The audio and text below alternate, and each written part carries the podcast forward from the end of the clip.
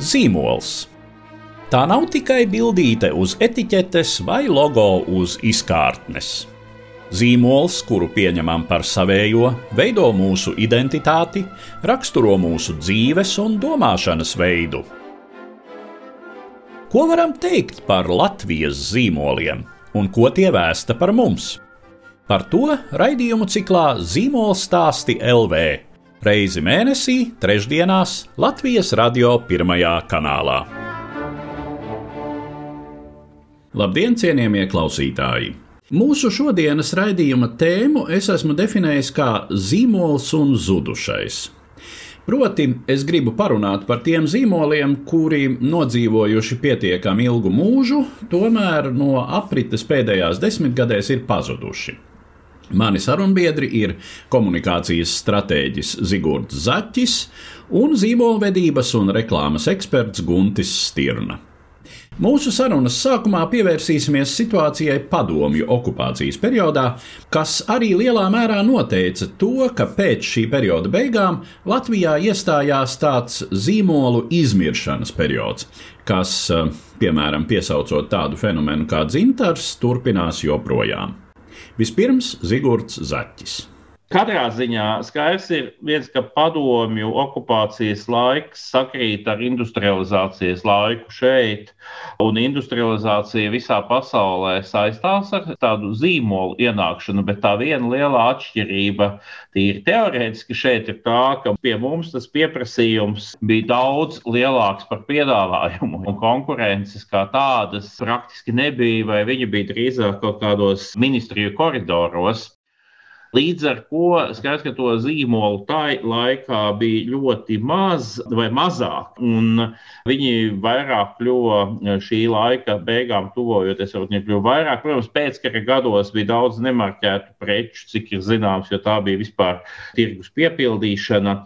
Bet eh, jau arī tajā laikā, piemēram, cik nu man ir zināms, tad uh, Tas pats Latvijas neatkarības pirmajās desmitgadēs esošā kaut vai mūzikas zīmols Bellakord kļūst par daļu no lielāka koncerna melodija par Rīgas skaņu flašu fabriku. Tās attiecības īsti līdz šim brīdim nesaprot, vai tas ir viens un tas pats vai divas sadaļas, bet kas iegūst nozīmīgu vārdu pats par sevi.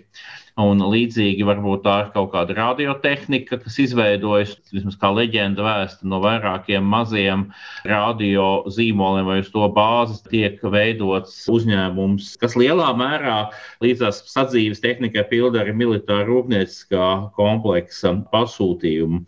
Bet kopumā tajā brīdī, protams, zīmola sākotnēji mazāk, un pēc tam attīstoties piepildoties preču tirgu un parādās pakāpeniski jau virkne šeit radītu padomju okupācijas laika zīmolu, kuri diezgan loģiski pēc tam viena liela daļa pārtrauc šo eksistenci. No savas puses varētu piebilst tiešām savas atmiņas. es savā laikā, būdams pilsētas mākslinieks, tiku aicināts uz visdažādākajām mākslinieckajām padomēm, kurās tika pieņemti lēmumi nosacīti, ņemot, varētu viņus pieskaitīt pie zīmoliem attiecinātām, teiksim, reklāma uz ielas vai būmūra apgleznojums un tam līdzīgi. Jāsaka gan, ka tādi apsvērumi kā zīmols, kā kaut kādas identitātes veicināšana vai kaut kādā noteikta tēla veidošana absolūti neeksistēja tajā diskursā, par ko tika runāts. Vairāk, labākajā gadījumā tika runāts par kontekstu ar apkārtni, ar pilsētvidi, bet faktiski pieprasījums pēc kaut kādas konkrētas, pieņemsim, ražotājs uzņēmums pasaka, mēs gribam izskatīties tā vai šitā, ko principā gandrīz jebkurš normāls zīmols darītu. Nekā tāda nebija. Ja kāda no tirdzniecības organizācijām vai kādām citām organizācijām, kas bija pasūtītājs, viņi labākā gadījumā gribēja izskatīties, ka tas ir zīmols, vai darīt kaut kā līdzīgi, kā tas notiek ārzemēs, bet bez mazākās saprašanas vai nepieciešamības kaut kādā veidā kaut ko deklarēt un pārstāvēt kaut kādas vērtības, konstantas. Nekas tāds nenotika. Faktiski ja mēs runājam par zīmoliem tajā laika posmā, tad mēs esam drusciņi nekonsekventi tajā terminoloģijā. Ir, protams, uzņēmumi, ir produkti, Bet vai ir zīmoli, es liktu tur trīs jautājumu zīmes un pētītu varbūt dziļāk. Taisnība kuntim, jo e, zīmolu mēs ņemam kā plašāku, kā tādu mērķiecīgi veidotu priekšstatu kopumu, tad tiešām tas tajā brīdī notika daudz mazāk. Bet, ja es nekļūdos, un atkal jājautā gandrīz pārējiem diskusijas dalībniekiem, ka, manuprāt, tobrīd dominēja tas nosaukums firmas zīme kas varbūt Jā. salīdzināms ir ar identitāti, kas gan bija svarīga. Un tiešām, ja tagad Guntis atgādināja faktu, ka es neesmu pārliecināts, bet šķiet, ka piemēram liela daļa no mūsu radiotehnikas zīmoliem, gan VF, gan radiotehnika, un šeit es domāju produktiem, tie jau arī bija kopēti daļēji, vismaz savā ārējā viedolā no pasaules produktiem vai vismaz gatavoti priekšpārdošanas arī pat ārpus vismaz sociālistiskā bloka valstīs pārējās. Un tur tiešām tā vairāk vismaz šī brīža sajūta, kā vērotājiem, ir, ka tā ir tiešām vairāk pakaļ.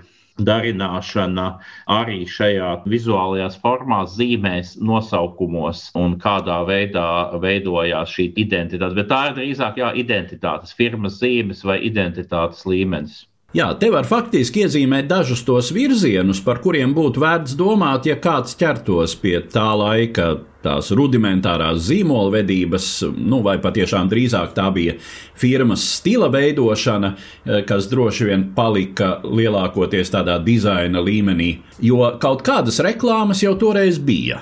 Nu, piemēram, pastāvēja sociālā reklāma eh, pamudinājumu, teiksim, auto vadītājiem pieklājīgi uzvesties uz ceļa. Un uh, tad bija šie piemēri, kad tiešām šķiet, ka mēģināja pat bez īpašas vajadzības izskatīties tāpat kā rietumos. Tas spilgtākais piemērs laikam bija padomju monopolistiskā avio kompānija Aeroflot, kura arī pasūtīja reklāmas un tās aicināja uh, lidojiet ar Aeroflot lidmašīnām. Par ko krietni ilgi vēl pēc tam smaidīja, jo Tas būtībā nozīmēja vienkārši lidojiet ar lidmašīnām, jo citas lidmašīnas, vismaz Padomju Savienības iekšējās aviolīnijās, tolaik vispār nelidoja. Nu, tam ir vēl viens aspekts, starp citu, un tā ir um, produkta atpazīstamība, kura veidojās bieži vien pat vispār bez jebkādas reklāmas. Respektīvi, tāda produkta reputācija ļoti nepiepildītā un faktiski visos laikos deficītā tirgū teiksim, nevienam nebija jāstāsta, piemēram, kas ir Bauska salus. Tikko sāka ražot Bauska salu, tā dažu mēnešu laikā izplatījās slava par to, ka ir Latvijā ražots viens īsti labs alus, un tad to visi uz Jāņiem un ne tikai uz Jāņiem centās dabūt. Un, starp citu, šie alus un uh, varbūt vēl daži pārtikas zīmoli, kuri uh, manuprāt, arī ir tie veiksmīgākie un kopš tiem laikiem līdz šim laikam izdzīvojušie.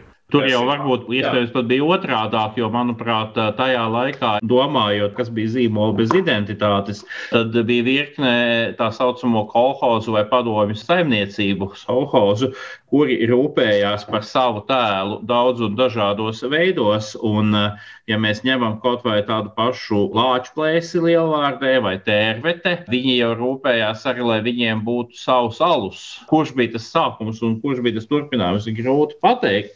Bet tādā veidā pat tajos laikos, piemēram, ap to pašu lāču plēsi vai tērveti, ne tikai alus jomā, bet arī plašāk veidojās kaut kādas asociāciju kopas. Cik viņas bija apzināti veidotas, cik nejauši tas ir varbūt cits jautājums, bet nepārprotami tās bija leģendas. Ja mēs ņemam atkal zīmols kā stāsts, kā leģenda, tad nepārprotami tās bija leģendas, kas tajā laikā dzīvoja sabiedrībā. Es gribētu te pieminēt, ka ir arī tāds eh, šobrīd anegdotisks motīvs, bet tajā laikā es domāju no socioloģiskā viedokļa ļoti nopietns. Proti, tā ir padomju cilvēka attieksme pret zīmolu kā tādu.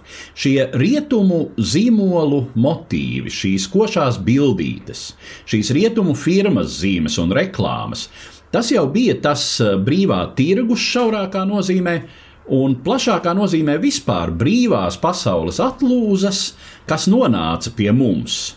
Vai nu kāda jūrnieka atvestas, vai ārzemju radiņu paciņā atsūtītas, un lielā mērā tās bija eh, tās eh, trūkstošās brīvā patēriņa, bet arī vispār brīvības izjūtas emblēmas. Nu, tāda teju vai dievinoša attieksme, kāda bija piemēram pret tādām Marlboro cigaretēm vai Camel cigaretēm vai jebkuru ārzemju auto zīmolu Padomju Savienībā, tādā vidusmēra padomju pilsoņu vidē.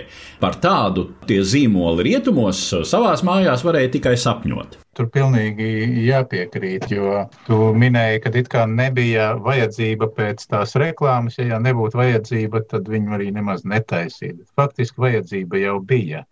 Jo tas, ko tu aprakstīji, to fenomenu, kad patiešām bija zīmoli, kam bija salīdzinoši augsta atpazīstamība. Es domāju, diez vai kāds nezināja, ka ir tāds dzēriens Coca-Cola. Un, un diez vai kāds nesaprata, ka tā ir Amerika, kas ražo šo dzērienu. Reklāma Padomju Savienības teritorijā pildīja ideoloģisku funkciju. Viņa mēģināja kaut kādā veidā aizstāt un, un stāties pretī rietumvalstu zīmolu spiedienam un tēlam, ko viņš veido šim brīvības tēlam. Redziet, pie mums gluži tādas pašas lidmašīnas un tieši tāda pati reklāma kā visur citur. Nav nemaz jāskatās ārpus valsts. Nu, es teiktu, ka tā ir tā funkcija, ko vietējie zīmoli un vietējā reklāma pildīja kā ideoloģisko pasūtījumu faktiski. Mana pirmā atmiņa ar kādu lokālo reklāmu, ko spēju identificēt, bija līdzās limonādē, limonāde un kvastam kvass no dzeltenām mucām, kas bija pie mūsu pilsētas universāla veikala vienmēr par trim vai četrām kapekām. Nopērkams parādījās arī kāds apelsīnu dzēriens zeltainais. Man ir atmiņā pat kaut kāda kino reklāma. Nu, līdzās tam, protams, tad seko visas jau mopēdu un arī automašīnu, tomēr reklāmas, kādas nu viņas bija, bet tomēr šķiet, ka bija. Plus jau Gunta pieminētie brandmūri pilsētās, lielajās vismaz, kuru uzdevums droši vien bija ne tikai reklamēt preci, bet arī parādīt šo sistēmas spēju ražot uh, plaša patēriņa preces. Vai tas būtu automašīnas, radioaparāti vai dzintars kā kosmētika. Turpinot un piekrītot, faktiski jau šī reklāma jau lielā mērā arī maskēja to, ka vispār jau nespēja tā sistēma saražot pietiekamā daudzumā ne to alu, ko visiem gribējās dzert, ne pietiekamā daudzumā labākos, cik nu tādu bija elektronikas paraugus, kas, protams, sākot ar kādiem 70. gadiem, vairs vispār neturēja līdzi rietumu analogiem, bet vienalga tie bija deficīts. Un tā kā reklāma bija, tad tas zināmā mērā tā ārēji un naivi maskēja to, ka faktiski jau preču deficīts bija vispārējs un visaptverošs. Nu, jā, bet tajā pašā laikā tie paši radioaparāti, man liekas, ir viena liela, kas mums šeit bija industrija, kas strādāja uz uh, visu lielo padomju savienības teritoriju, varbūt austrumu Eiropu daļēji. Tur jau parādās 80.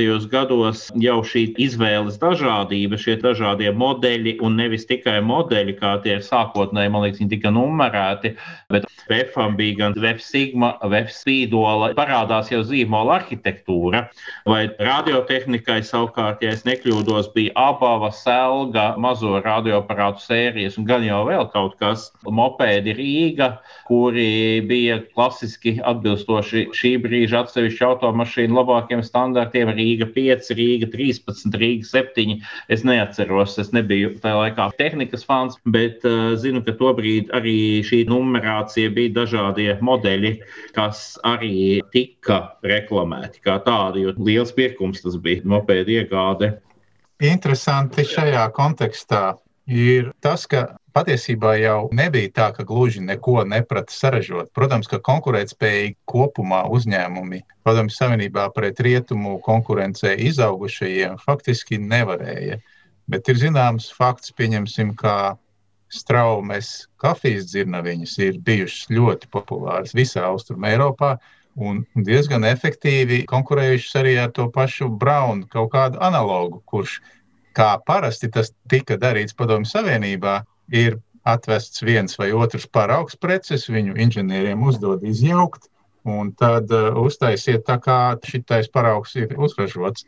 Bet šī gadījumā straumes kafijas zirneviņas trapa līdzīgā procesā, bet ar konstatāciju, ej, mēs varam labāk tas varbūt ir tāds izņēmums no kopējās pieejas un principiem, bet nevar teikt gluži, ka Viss no tajā laikā saražotājā nebija neko vērts un nebija spējīgs konkurēt. Mm. Tie bija atsevišķi uzņēmumi, kas to varēja izdarīt. Pieņemsim, vakar ieskatījos mazliet vēsturiski, tiksim, tāda veļas mašīna, ne pirmais modelis, pirmais paštaisīts tika Rīgas elektroaparātu rūpnīca, laikam viņi saucās. Bet otrais tika uztaisīts pēc Huskvarnas parauga, viņš saucās Rīga 55. Pēc tam viņi saprata, ka tas produkts izmaksā apmēram 1000 rubļu. Un ka tādu summu neviens patērētājs nespēja samaksāt. Viņus pārdeva zem pašizmaksas. Viņus pārdeva par 600 rubļiem mazumtirdzniecības tirgū. Tas nozīmē, cik neadekvāta un izdzīvot nespējīga tāda rūpniecība bija. Nu, tas atspoguļo arī situāciju ar algām Padomju Savienībā, kas bija faktiski pietiekamas tikai izdzīvošanai. Tagad par to, kas notiek ar šiem uzņēmumiem, tā skaitā ar tiem, kas kaut ko ir spējīgi saražot, un no tehnoloģiskā viedokļa varbūt būtu gatavi turpināt eksistenci, kas ar tiem notiek pēc nonākšanas brīvā tirgus situācijā. Mēs zinām, ka tādi zīmoli kā Rīgas radiorūpnīca, kā VEFS, pēc ilgāka vai īsāka laika no aprites pazūd. Kāds bija tas eh, zīmolvedības potenciāls, vai laikam jau nu jāsaka šī potenciāla trūkums, kas to noteica? Pirmkārt, man liekas, ka nebija jau tādas mārketinga izpratnes tajā brīdī kā tādas, un nebija arī tās reklāmas. Labi, pēc pārbaudītām liecībām mums ir bijusi viena valsts reklāmas aģentūra padomju okupācijas laikā, kas nodarbojās ar šo preču zīmolu vai identitāšu izstrādi un arī atsevišķu reklāmu. Tur gan vizuāli, gan arī kino sadaļa viņiem esot bijusi.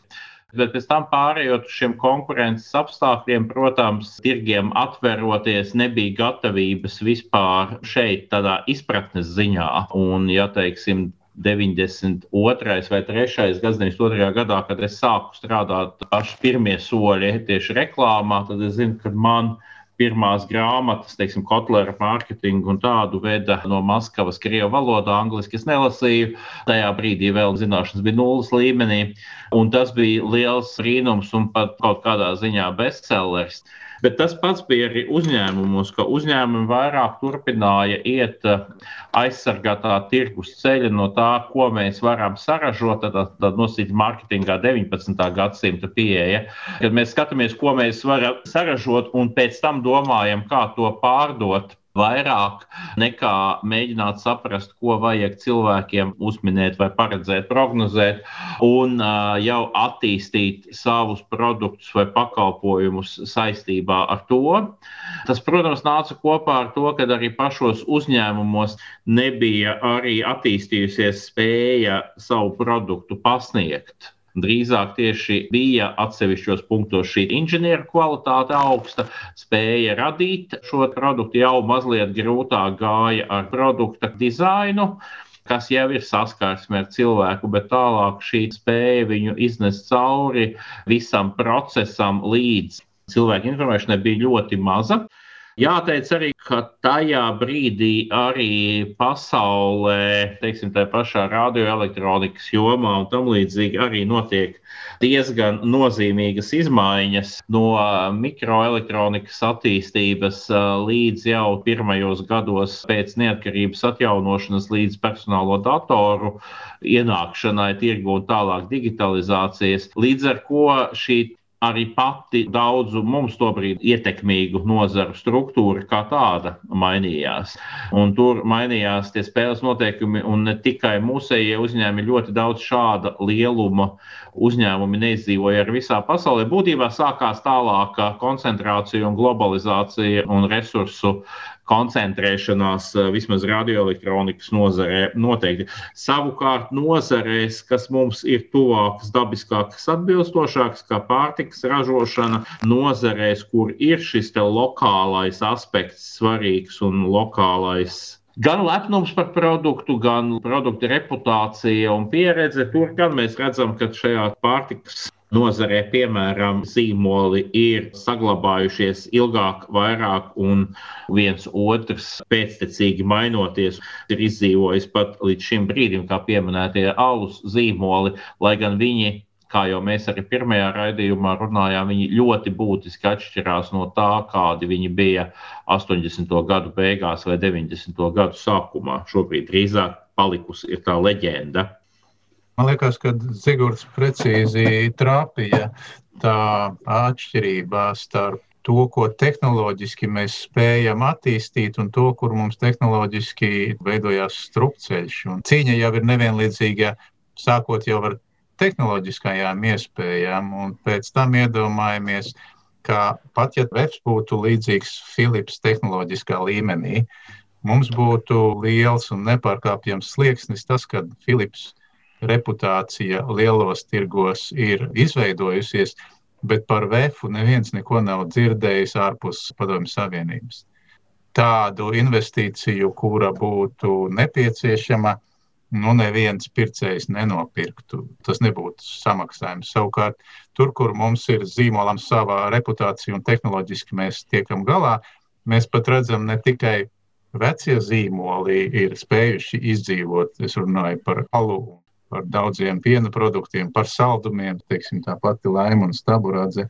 Bet uh, faktiski mēs redzam tirdziņos, ka veidojās pilnīgi jauni nišas produkti, un kurš teica, ka tie nav zīmoli. Viņi ir mazāka apmēra, mazākā jomā, bet uh, rodās nepārtraukta inovācija. Kā pieņemsim, Madara faktiski izveidojās zīmols pilnīgi no jauna, un tajā pašā nišā, kur vecais zīmols ar savu nespēju turēties kaut kādā zīmola līmenī, spiežot tikai uz produktu un komunicējot visai maz, izveidojās produkts un spējīgi konkurē, un viens nomirst, viens turpina dzīvot. Pie tam, ja mēs runājam par tiem pašiem, kas izdzīvoja zīmoli ilgāk, tas pats Zintars, kā kosmētikas ražotājs un parfumēris, viņš jau pēdējos gadu desmitus arī ļoti mērķiecīgi fokusējās vairs tikai uz konservatīvākiem tirgiem, kas bija Vidusāzija, Baltkrievija, Krievija, kur bija šī nostalģija par šiem laikiem un kur tas vārds jau bija izveidojies, man ir grūti teikt, lielāku analīzes neesmu veicis, bet šķiet, ka nekur ārpus šiem tirgiem tādas nozīmīgas iziešanu viņiem neizdevās realizēt arī vēlāk. Viņi drīzāk normāli eksploatēja līdz galam to zīmolu, kamēr viņš bija eksploatējams un tirgus situācija mainoties, jā, viņš dabiski aiziet. Jā, zināmā mērā viņi nomirst līdz ar patērētāju pasaules vēsturē mēs paskatāmies uz tiem lielajiem zīmoliem, kas ir patiešām veikuši vairākas nozīmīgas transformācijas vai izmaiņas pēdējos 100-150 gadu laikā, vai 50 gadu laikā varam paņemt tuvāk, viņi visi tomēr laiku pa laikam, 10 līdz 40, 50 gadu laikā ir spējuši mainīt būtiski savas kompānijas darbības virzienu, stāstu, mainīt mainot, eh, arī atbilstoši papildinot savu darbību. Piemēram, IBM 19. Eh, gadsimta nogale ir mehānisko skaitīšanas mašīnu ražotājs. 20. gadsimta 30. un 50. gados pakāpeniski ieiet jaunajā, varētu teikt, šobrīd superdatoru, milzīgo datoru virzienā vai datoru sistēmu virzienā, veids arī zinātniskas izstrādes un tā tālāk. Tad kļūst par personālo datoru ražotāju 70. gadu beigas, 80. un pēc tam visu šo biznesu pārdot 2005. gadā, saglabājot lielos datorus un datus, lai kļūtu par konsultāciju kompāniju 2005. gadā, un 2015. gadā maina darbības virzienu vēlreiz, kļūdam par kompāniju, kas nodarbojas ar jau visām šīm uzvedības zinātnes, jeb cilvēku rīcības zinātnes, kognitīvu sciences angļu valodā, kompāniju, kas strādā ar mākslīgo intelektu, ar jaunajām iespējām, kas apvieno milzīgu datorjaudu no vecajiem laikiem spēju ģenerēt arī ļoti augsta līmeņa lielas programmatūras sistēmas, spēju uzturēt uh, lielus datu risinājumus, mākoņu glabāšanas datu un tam līdzīgi. Kopā ar jaunākajiem zinātnes un uh, pētniecības perspektīviem, attīstības virzieniem, kur šī jauda visvairāk ir vajadzīga. Un viņi jau šobrīd, varētu teikt, no kaut kāda apmēram 2008. un 2010. gada ļoti apzināti veido to savu nākotnes tēlu jau virzībā 10, 15 gadu uz priekšu. Tā ir tā strateģiskā pozicionējuma būtība, ka viņi jau šobrīd, kā kompānija, lielāko daļu no resursiem komunikācijā investē tieši tajā, kas viņi vēlās būt pēc desmit, pēc pieciem gadiem. Tāds ir IBM, tāds ir General Electric, Edisona dibinātā kompānija. Īsākā termiņā reizes četras savu darbības virzienu ir mainījuši arī tas pats Samsung vai Hyundai, Korejas kompānijas. Samsungs no leduskapju, baltās tehnikas ražošanas ir nonācis līdz jau vienam no vadošajiem mobīlo risinājumu spēlētājiem, bet brīdī, kad viņi 90. gados sāka piedāvāt televizorus, tas šķita mazākais ļoti dīvaini. Un Jā. iedomājamies tagad šo situāciju, pieņemsim ar Vefu vai Straumi, kuru patiesībā pārņem kaut kāda bijušo vadītāju, padomju laika vadītāju grupa, privatizē viņu un viņu spēja un izpratne par problēmām, par stratēģijām, par notiekošo pasaules tirgu un par tendencēm, uz kurām ir jātrāpa pēc pieciem gadiem, man liekas, neatstāja cerības, ka šāds vingrinājums ir iespējams. Pat teorētiski tāda galvā vienkārši nevar būt. Un eh, ņemam vēl klāt to, ka izmainās tirgus struktūra. Pēkšņi Padomju Savienības tirgus sadalās mazos, atsevišķos, haotiskos gabaliņos un pavarās rietumu tirgus, par kuru mums patiesībā ne mazākā priekšstata nav. Mm. Izdzīvošana šādā situācijā ir, ir diezgan apšaubāma iespēja. Dažiem varbūt izdevās ilgāk, kā dzintaram, bet faktiski tas process, kas ir noticis, bija tā cena, kura bija jāmaksā par to, lai mēs šobrīd varētu tīrā vietā veidot kaut kā līdzīgu kā Madara. Ar to mēs varētu te noslēgt šo sarunu, bet eh, ko šis zīmola bojājais laiks un šo zīmola liktenis liek mums mācīties un secināt?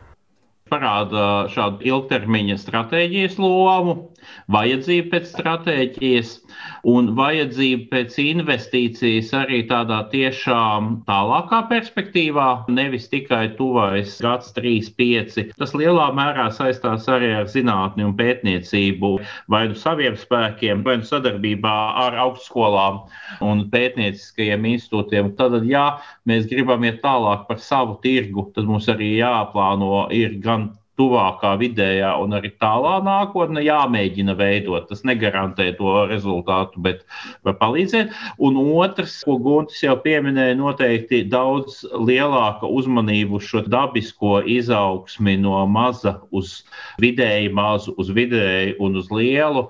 Jo arī virkne no šiem pašiem mūsu tā laika zīmoliem bija veidojušies apvienojot vairākus mazus pie tā, ka stratēģija nenoliedzami ir svarīga lieta, bet līdz tai stratēģijai faktiski ir jāizdzīvo, un tirgus ir nežēlīgs. Tas nozīmē to, ka faktiski realizējot stratēģiju, tev ir jānodrošina pilnīgi konkrēta naudas plūsma, lai tu varētu eksistēt. Un, un tās divas lietas ir vienlaicīgi jādara, un man liekas, ka tas, kas tiem zudušajiem zīmoliem ir varbūt pietrūcis, ka bija sajūta, ka esam privatizējuši milzīgu vērtību.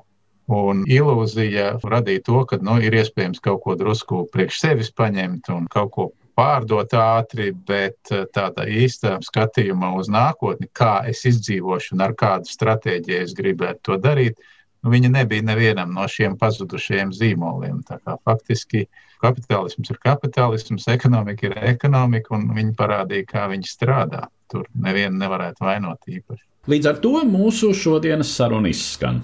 Mani sarunbiedri bija komunikācijas stratēģis Zigords Zaķis un zīmolvedības un reklāmas eksperts Guntis Stirna. Uz redzēšanos, cienījamie klausītāji!